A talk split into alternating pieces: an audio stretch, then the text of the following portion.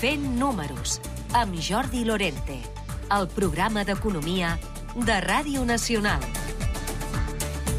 Benvinguts un dia més a aquest uh, Fent Números, avui per parlar del que és aquest acord d'associació amb Brussel·les. Fa anys que s'està gestant, veurem si arriba finalment a bon port i en quins termes, i volem analitzar com es gestiona, com es fan aquestes reunions, qui les decideix, com es treballa, com veuen a Brussel·les els avenços o no. I ho volem fer des del punt de vista d'una persona que ha participat molt activament, no ara, però sí fa uns anys, pràcticament en l'inici d'aquestes negociacions, i és la exsecretària d'Estat d'Afers Financers Internacionals, la Clàudia Cornellà. Ara parlarem amb ella sobre això. Avui el nostre col·laborador, l'Enric Galí, ens parlarà de les guerres comercials, eh, perquè sí, existeixen i, i marquen segurament el tempo no només eh, en el que és en aquests països que poden estar en aquest conflicte, sinó a nivell global. I amb el Carles Martínez Illescas, el professor d'Economia de l'Escola Sant Ermengol, parlarem de la cadena de blocs, o també conegut com blockchain, i sobretot de l'interès que molts joves tenen per aquesta nova tecnologia. Doncs bé, tot això és el menú que tenim aquesta tarda. Gràcies per ser amb nosaltres. Comencem.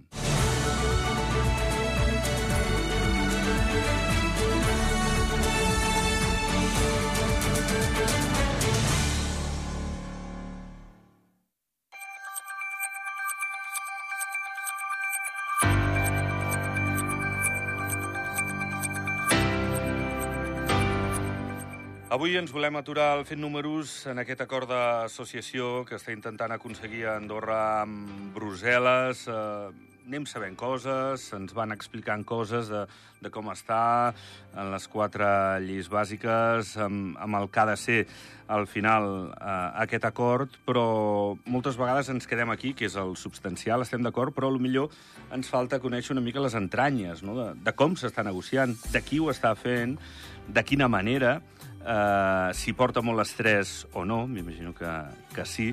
I avui tenim de convidada al programa l'exsecretari d'Estat d'Afers Financers Internacionals, la Clàudia Cornella. Clàudia, bona tarda. Hola, bona tarda. Perquè la Clàudia va estar des de pràcticament l'inici i especialment molt cols a cols amb Jordi Cinc a partir del 2015 en aquestes reunions, en aquest treball intens d'aquest acord d'associació vas treballar amb l'acord monetari, l'emissió d'euros, el coneixement precís de les directives europees, amb les agències de qualificació, el Moneyval, els convenis de doble imposició, l'intercanvi d'informació... Vas tocar moltíssimes eh, carpetes. Eh, va ser, suposo, una etapa complicada, amb molt volum de feina, però molt, molt interessant, com un repte personal, no? Que estaves fent alguna important, no? Sí, jo diria que va ser molt intens, perquè al final ho és, però va ser un repte i un repte bonic, perquè al final estàs treballant pel teu país i també estàs treballant per lo que és el futur, no? I la veritat és que van ser uns anys per mi fantàstic, vull dir que va ser una bona experiència. És, és repte perquè tot el rato tens unes carpetes que són molt complicades davant, que moltes vegades la gent a fora no veu la complexitat que hi ha a l'estudiar tots els temes que hi ha a dintre i moltes vegades quan es comunica doncs potser falta aquesta part perquè tothom entengui què hi ha darrere, no? Mm -hmm va, va ser una etapa, doncs, home, molt fructífera per la Clàudia, que ara és coach, experta en lideratge, consultora, fins i tot escriptora, formadora, o sigui, que segueixes tocant molt, moltes tecles, no? Sí, segueixo tocant, sempre em retorne tot perquè al final tampoc no ho deixes, no? Escolta'm, eh, tu estaves d'assessora ja del Ministeri el 2011 i una mica més tard d'aquesta data ja és quan es comença a parlar en Brussel·les de l'interès d'Andorra d'entrar, eh, de, de signar aquest acord d'associació. Com, com és el principi? Com, com s'arriba a Brussel·les i se li diu, guaita, voldríem això d'una manera fer faent? Eh, com hem de començar? Doncs jo diria que aquí al principi doncs, és quedar doncs, amb els responsables de Brussel·les i, com sempre, bueno, doncs, amb, els amb l'ambaixadora de Brussel·les, no, que hi havia en aquell moment, després doncs, amb, amb, les, amb les secretaries que hi ha doncs, a l'ambaixada, després hi havia doncs, aquí, anava com a cap de delegació i anava també amb persones de, de la meva confiança i també que coneixien el dossier, i vas a, a veure què és el que, que podem negociar, no? què és el que ens volen explicar, perquè primer et posen no? què és el que hi haurà, i una mica quines seran les bases, perquè anàvem a Mònaco, anàvem també amb San Marino, i era una mica per fer el tronc comú, perquè després cadascú té les seves especificitats i s'havia de negociar doncs, com aquests annexes, cadascú d'una manera que també no pots donar més a un que a l'altre, però sí que explicant cadascú el que necessitaven cada un dels quatre eh, els punts importants. No?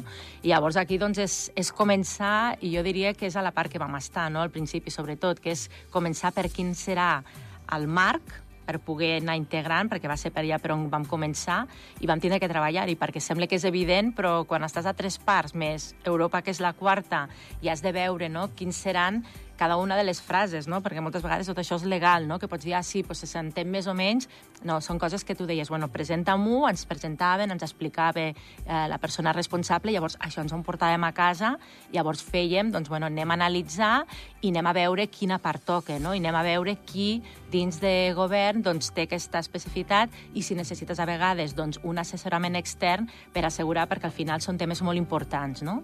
Al principi, Clàudia, suposo que seria un grup molt, molt reduït, no? Això ara, sembla, són desenes de persones més assessors. Eh, era molt poqueta gent, no? Bueno, eren poquets, però també portàvem els assessors, perquè al final és allò de que no se t'escapi res, no? Uh. -huh. Però sí que és veritat que després s'ha anat a fer més gran, per què? Perquè quan has de parlar pues, de la lliure circulació de serveis, pues, t'has d'emportar les persones que estaran més, més, bueno, els sectors que estaran doncs, més afectats, no? Si estàs parlant del tema pues, més financer, doncs, hauràs de portar també algú que representi o algú que pugui fer, no? Llavors, per això són grups més grans després, però bueno, igualment anàvem gent, eh? perquè al final és un que agafa les notes, l'altre que està preguntant, perquè has d'estar molt atent amb tot, perquè un és que està dient un, que està dient l'altre, tu que diu Brussel·les, que estan dient allà, vull dir, és molta informació i és molt intens, perquè no són tantes hores tampoc. I eren uns temps convulsos per Andorra, no? El tema 2015 BPA, com, com us veien, com us miraven? Hauríem pensar, que, que ens venen a explicar aquesta gent, que, que han intervingut un banc, que què passa aquí, no? Bueno, jo diria que com que van passar molt, com que estàvem negociant moltes coses al mateix temps, potser l'avantatge que tenia en aquell moment és que com que estava jo tocant tantes tecles, ja estava acostumada a quan me'n vaig a l'OCDE, quan me'n vaig al Consell d'Europa, quan vaig a un lloc, quan vaig a un altre, i ja vam trencar aquest gel, no? que és allò que arribes i et diuen, buf, vaya follon que teniu allà, no? que heu fet i com teniu els controls, i saps que et sents una mica com dient, sembla que, que m'estic com acusant, no? Però després quan ho fas amb normalitat i expliques i dius, bueno, anem a explicar el que ha passat, però amb tranquil·litat i amb allò de dir, bueno, pues, està, que el, el, el país continue, mm, és agafar-ho i, i dir, mira, anem a parlar ara del que toque, no? I nosaltres estem solucionant tot això i tot està continuant. Llavors, va ser aquest xip el que va canviar, perquè si no, no pots negociar. O sigui, has de saber, tenir molt clar que està passant això, però que tu has de negociar perquè el país pugui continuar endavant. Anàveu cada setmana, anàveu cada mes? Eh, quan duraven les reunions? Eren reunions que començaven a les 9 del matí i acabaven a les 7 de la tarda? Eh, hi havia tensió? Com, com es gestionava això? Doncs depenia de les vegades. Hi havia algunes vegades que era un dia, hi ha vegades que pot ser dos dies perquè a la millor doncs, avui fas el comú i demà et toca el, la teva part, depèn de les vegades. Potser al principi sí que igual feies un cop cada mes i a vegades que pot ser més seguit doncs, perquè necessites tractar temes i també, sobretot, perquè necessites tu temps per poder tractar això. No és cada setmana, ara no sé si ho estan fent cada setmana perquè ja està tot més avançat, però en aquell moment pensa sobretot que a l'inici que és tot el cabal comunitari, vull dir que és que no és poca cosa, vull dir, no és... perquè el que s'ha d'entendre és que quan vas allà no és només les frases, sinó que dius, d'acord, per exemple, a mi tocava el sector financer, és del sector financer quina és la normativa, i quan comences a veure és eh, les lleis, reglaments, que si ara un comunicat, que si ara... Vull dir, era molt, no? Llavors, doncs, tot això requeria d'un temps per poder-ho analitzar, per poder anar veient quin impacte tindria això també sobre el cabal comú. Eh, pràcticament per acabar ja, Clàudia. Eh, eh, tenies la sensació de dies d'eufòria i dies de, de buidor, de tristor? Sorties d'allà i tornaves al país una mica amb aquest eh, doble sentiment? Bueno, és que són dures les negociacions, és que no és fàcil. Vull dir, has d'anar amb les línies vermelles per saber el, quan has de dir doncs, això no ho puc acceptar i has de ser molt contundent perquè és dur negociar. O sigui, és dur negociar amb Europa, és dur negociar amb l'OCDE, són molt dures aquestes negociacions i al final som un país petit. Llavors no tenim, per molt que tinguem vot i puguem també tindre la nostra força, no la tenim igual que si és un país gran. Eh, pel, que, pel que et consta, eh, de la Sí. gent que coneixes dins del govern, s'està negociant bé? S'està eh, apropant eh, aquest moment decisiu? S'està apropant el que jo no sé ara quines són, com estan les negociacions pures i tot, però jo el que espero és això, que tinguin clares quines són les línies vermelles i que aquestes doncs, les puguem mantenir per preservar el nostre país. Ha estat un plaer parlar amb l'exsecretària d'Estat d'Afers Financers eh, Internacionals, la Clàudia Cornella, perquè ens parlés una mica més d'aquests budells, eh, d'aquestes negociacions amb Brussel·les. Eh, tant de bo això es tanqui i et convidem i parlem una miqueta amb el present i el que va ser el passat per veure els punts en comú. Doncs serà un plaer. Moltes Gràcies, gràcies. bona tarda. Bona tarda.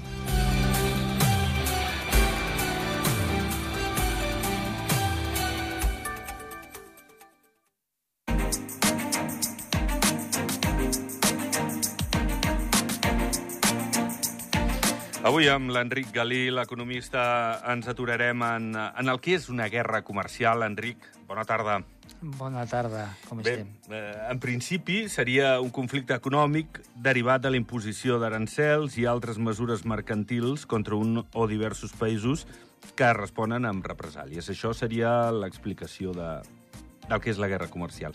Molt, molt resumit, no? Sí, més bé jo crec que no ho podia haver Home. resumit, eh? però, però sí que ho puc resumir amb algun exemple que crec que són els que més ens sonaran. No? Hi, ha, hi ha el cas històric de, de proteccionisme que existeix de fa més de 18 anys i es va tancar fa relativament poc, que és el tema de Airbus i Boeing. Tots coneixem que la indústria aeronàutica és un, és, és un duopoli, amb els americans, que és Boeing, i Airbus, que és l'empresa aeronàutica europea. No? Llavors, clar, tots els s'acusaven als altres de que els governs ajudaven amb aquestes empreses i, clar, com que Airbus anava venent i esgarrapant terreny a la- a l'hegemonia de Boeing, doncs, clar, també s'enfadaven els americans, no? I això feia doncs, que els americans eh, fiquessin aranzels a productes eh, europeus i els europeus, en resposta, fiquéssim si en recordeu quan a les motos Harley Davidson, que venien dels Estats Units, els ficava arancels per entrar a Europa, o inclús es taxava l'oli d'oliva a, a, a Estats Units, eh, o producte que enviàvem de luxe a, a Estats Units. Després això va, va revifar molt fort l'any 2018 amb un afany de protagonisme del, del senyor Trump quan va ser elegit, no? I aquí vam veure que va néixer pues, el cas Huawei, que Huawei està agafant pues, eh, molt, molt terreny a Cisco Systems i a tots els grossos americans, i inclús eh, es va arribar a prohibir Huawei pràcticament des de Huawei a, a lo que seria a, a Estats Units, no? Amb l'excusa de l'espionatge, no? Que potser Ah, ah. ficaven eh, algun tipus de- d'eina que, que Correcte, podia... i aquí es començava a avivar la guerra, la guerra comercial amb Xina que portem negociant ja fa molt de temps. Aquí començava i després vam seguir amb els microchips, no? Que deien, ostres, els principals fabricants de microchips deixaven de, de, de fabricar a, a, a Xina o enviar a Xina Nvidia, per exemple, perquè eren massa punters i, i deien que podien ser utilitzats per la indústria militar eh, xinesa. Aquí començava, hi havia guerra, la, guerra de microchips, i ara l'última guerra, que és on en fiquem una mica més de, de detall, perquè és el més actual, és el que està passant eh, amb fruit amb els vehicles elèctrics. És a dir, els fabricants europeus de vehicles, una, una indústria molt potent a Europa, doncs es fica les mans al cap amb tota l'arribada de vehicles eh, elèctrics eh, xinesos, que arriben amb més barats a nivell de, de, de costos de fabricació i llavors més accessibles, a qual cosa el mercat xinès doncs, està fent molt lloc a, a, a Europa. Per exemple, a Espanya, una de les primeres ventes que havia era una marca AMG, que era, inicialment era, era anglesa, i ara és, és xinesa i fabrica cotxes eh, elèctrics. elèctrics. I de baix cost, no? No són Ja. els Tesla que coneixem, per Ja, exemple, són més econòmics. Arriba la Fira de Múnich o de Frankfurt d'automòbil i 41% dels expositors eren xinesos. Llavors aquí, i a part Tesla, no? I aquí els europeus es van ficar les mans al cap i van dir, ostres, doncs poder hauríem de ja, ficar més aranzels amb, amb aquesta indústria per, per, per, que, per ser nosaltres més competitius, no? I llavors aquí hi ha dues visions. La visió eh, més francesa, la visió francesa, que és eh, vehicles més de baixa gamma, la qual té menys eh, ventes a Xina, i aquests sí que volen més que, que Europa actui, i els, i els alemans, que com que moltes de les marques alemanes, un 30% dels seus ingressos venen de Xina, doncs aquests es volen mantenir una mica més, més neutres, perquè si per un costat fiquen un impost o un arancel, per l'altre costat segurament hi haurà, hi haurà riposta.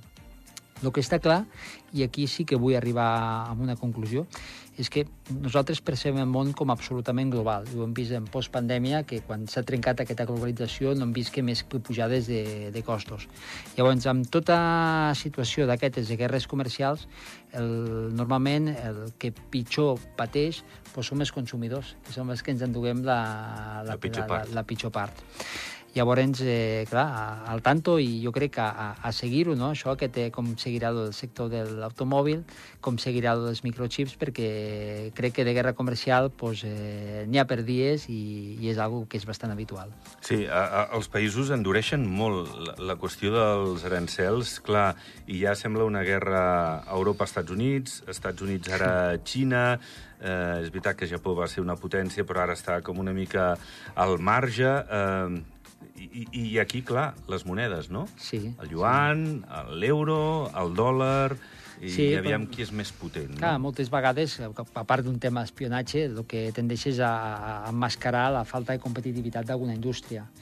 I possiblement la, la, aquí el que estem veient és que segurament la indústria alemana d'automòbil pues, haurà de fer molts canvis per ser més competitiva, especialment al tret dels vehicles elèctrics, vehicles elèctrics de, de gamma més mitja, per, eh, per poder vendre i competir amb, amb Xina. I això segurament requerirà canvis estructurals profuns, perquè la indústria automobilística és una indústria que és molt pesada amb mà d'obra, sobretot per la fabricació de motors tèrmics. Motors tèrmics són moltes peces, sigui les bieles, sigui el bloc motor, sigui tot això, cada una, una, una fàbrica hi ha alguna que està a la vora de fabricar automòbils.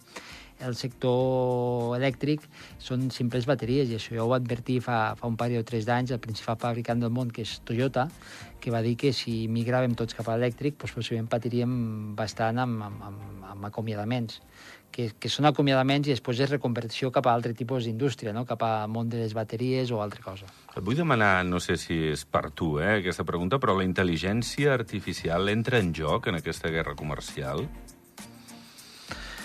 Bueno, pot, pot, pot, pot, pot entrar...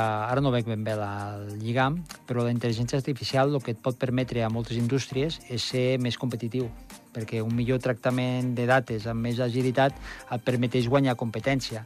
Llavors, jo crec que a, a, avui en dia és embrionari, però com qui millor sàpiga fer ús de la intel·ligència artificial serà més competitiu en un futur. La qual cosa, bueno, si són més competitius els americans que els xinesos, els xinesos ficaran barreres, i si són els xinesos més competitius que els americans, els, els americans ficaran barreres. Eh, parlàvem de, de la indústria del cotxe elèctric, però la indústria tecnològica també és eh, segurament un, un niu on eh, aquests grans, aquestes grans potències volen ser capdavanteres. Ja no parlo de la indústria aeroespacial, eh, que mm -hmm. també, no? Per suposat per suposat, la tecnologia doncs, és principals indústries. És a dir, el món, el món els, últims, eh, els últims anys ha avançat gràcies a la tecnologia. Llavors, eh, totes les indústries poden estar capdavanteres amb aquest, amb aquest, amb aquest sector. Enric Galí, un plaer molt interessant aquesta breu estoneta. Eh, et recuperem en un altre fent números i et donem les gràcies per avui. Gràcies. Merci a vosaltres.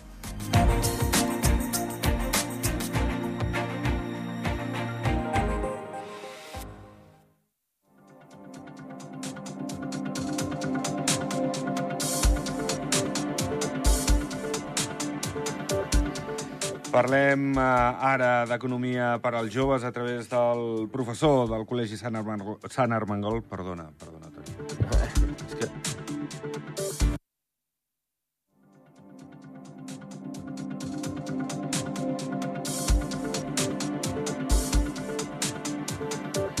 Seguim parlant eh, d'economia en aquest fent números. Ho fem amb un punt de vista més eh, per als joves a través del professor del Col·legi Sant Armengol, el Carles Martínez Illescas. Carles, bona tarda. Bona tarda, Jordi. Bé, i un tema que interessa molt als uh, joves, uh, sembla que, exacte, que té molta tirada, és lo de la cadena de blocs i la tecnologia que porta a les criptomonedes. D'això segur que te'n parlen molt els alumnes i inclús pel carrer, no? Mm, Me'n parlen i em paren moltíssim i fan preguntes relacionades amb això. De fet, tinc ja algunes preguntes que m'han anat fent a, als seguidors per Instagram a mi.professor barra baixa oficial i, i moltes tenen a veure amb criptomonedes, tenen que veure amb NFTs, amb intel·ligència artificial. I jo volia fer, abans de posar aquestes preguntes sobre la taula, parlar de què és el blockchain. El blockchain és aquesta cadena de blocs que és la tecnologia que permet que existeixin les criptomonedes i els NFTs. És el mateix que internet és la tecnologia que suporta que hi hagi WhatsApp o que la càmera de vídeo és la tecnologia que suporta les pel·lícules. Per tant, que no li tinguem por en això de la cadena de blocs, perquè ara us ho explico de forma propera, fàcil, de, Va, sí, de bar. perquè és molt complex, eh? Perquè és una tecnologia que a l'arribar nova eh, doncs estàvem acostumats a d'altres pagaments que eren com molt més tangibles, però això se'ns escapa, no? Hi ha una generació que encara no domina això. Per això que estarà molt bé que ho expliquis de manera planera, Carles. Exacte, Jordi. El que ens ha passat és que a vegades hem anat dos passos per davant. Ens han explicat què és l'NFT, què és el Bitcoin, què és el no sé què, i no ens han explicat la tecnologia de la cadena de blocs, que és el que hi ha darrere.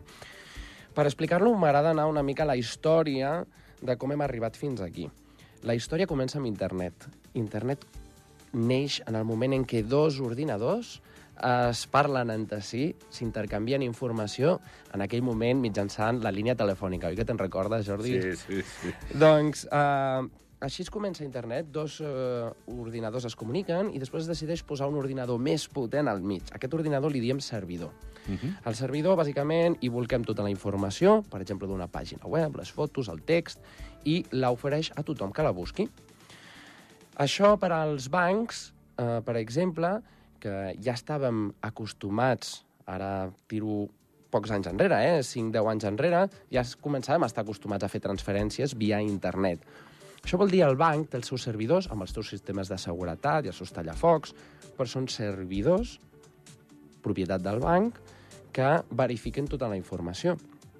Clar, això ens porta a, a un problema, i és que què passa quan es hackeja, que hem, hi, hi hem llegit notícies d'aquests hackejos, Sí. eh, d'aquestes eh, eh, persones que es dediquen a intervenir ordinadors, robar informació o manipular-la o bloquejar-la. Doncs aquí tenim un problema. I aquí neix el blockchain. Em permet, Jordi, ara que ja hem arribat en aquest punt de la història, que fem un paral·lelisme per entendre millor el blockchain? Va, anem-hi. Va, imagina't, Jordi, que ara tu tens una fruiteria i tu vens fruita i tu et portes la comptabilitat en una llibreta. I t'arriba el proveïdor i et porta 200 euros en pomes. Tu ho apuntaràs a la llibreta, oi? Apuntes 200 euros en existències de pomes. Després ve un client i s'emporta 50 euros en pomes. Tu ho apuntes, 50 euros en pomes. Però què passa si t'equivoques? Què passa si perds la llibreta? Doncs, bàsicament, has begut oli. El blockchain és com si tinguessis la teva fruiteria i darrere el mostrador tinguessis a 1.000 comptables, o més, anem a posar 1.000, amb 1.000 llibretes. I quan arriba el proveïdor, tots agafen i apunten 500 euros en pomes. Arriba un client, 20 euros de ventes. Si de cop surt una llibreta que diu no, hi han 1.000 euros en pomes, la resta li diuen no, aquí hi ha 500, per tant, es dona aquesta informació com a invàlida, no val. Doncs això és el blockchain. Bàsicament, s'ha creat un sistema encriptat, un codi secret, que distribueix per paquets, per blocs, a tots els ordinadors informació. I aquests ordinadors retornen en milers i milers d'ordinadors i donen la informació com a vàlida. Això és fantàstic, perquè ara, quan tu i jo fem una transacció, no l'està validant un servidor d'un banc, l'estan validant milers i milers d'ordinadors. Això és el que es diu minar bitcoins. Sí. Minar bitcoins eh, no és agafar un, un, un pic i una pala, senzillament és posar ordinadors a desxifrar aquest codi i donar aquestes informacions. I d'aquí podem treure pagaments, podem treure informació segura o fins i tot models digitals únics i exclusius i amb un propietari certificat. Això ens ha obert un nou paradigma Jordi, que, bueno, ja, ja ho veus, no? Una mica està a peu de carrer, tothom vol invertir, tothom vol veure l'oportunitat. Però creia essencial que entenguéssim i espero haver-vos eh, ajudat Sí, bastant. eh, és bastant gràfic, sí. De tota manera, eh, clar, la seguretat en res és el 100%.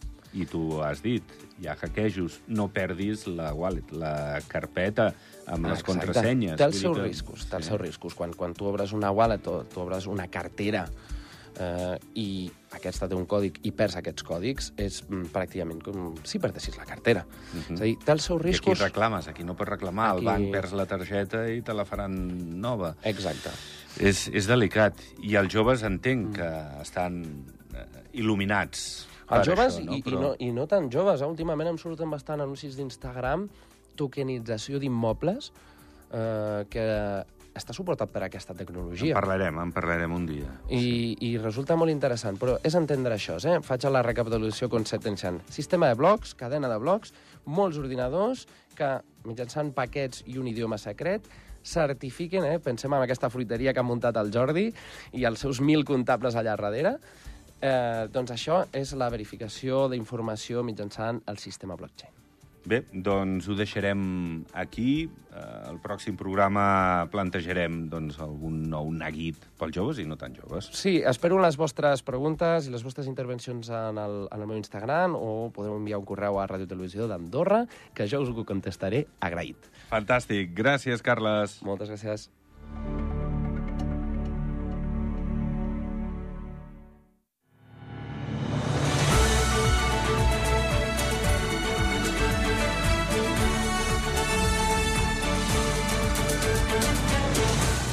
Doncs fins aquí aquest fent números d'avui. Espero que el menú us hagi agradat. Nosaltres anem preparant ja el que ha de ser el contingut, eh, les principals qüestions del dimarts que ve en un nou fent números. Gràcies per la vostra atenció. Adéu-siau. Recupera el programa a andorradifusió.ad i a les plataformes de podcast.